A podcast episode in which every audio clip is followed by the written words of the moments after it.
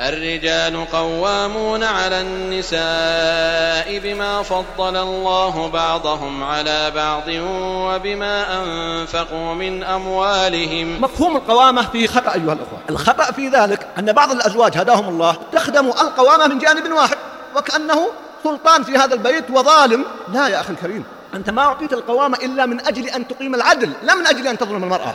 وأقول بحق جاءتني شكوى حتى بعض النساء قد تكون موجودة الآن في المسجد من خطأ بعض الآباء والأزواج في القوامة. القوامة يا أخوان ليست على الزوجة فقط حتى على الابن وعلى البنت. وبعض الناس يتصور أن القوامة في الأكل والشرب والطعام والدراسة لكن يفرط في قوامة الشرع. يتساهل في قضية المرأة أين ذهبت؟ ودخلت للسوق تدخل وحدها أو تذهب مع السائق. هذا ضعف في القوامة. لا القوامة في أمور الدين والدنيا كما أنك قيم في بيتك على أولادك وعلى بنتك وعلى زوجتك أن تكون قيم بالعدل تعطيهم ما لهم وتمنعهم مما يضرهم في أمور دينهم ودنياهم. إذا قيام الرجل بحقوق القوامة يعطيه استمرار لأن الله جعل له من القوة والقدرة والإمكان ما لا تستطيعه المرأة. هناك تقصير في القوامة من بعض الآباء وبعض الأزواج وهناك ظلم أيضا من بعض الآباء وبعض الأزواج. وهناك بعض النساء تتساهل في حقوق قوامة الرجل. التعليم أحدث عندنا بعض الإشكال مع أن فيه منافع التعليم فيه مضار.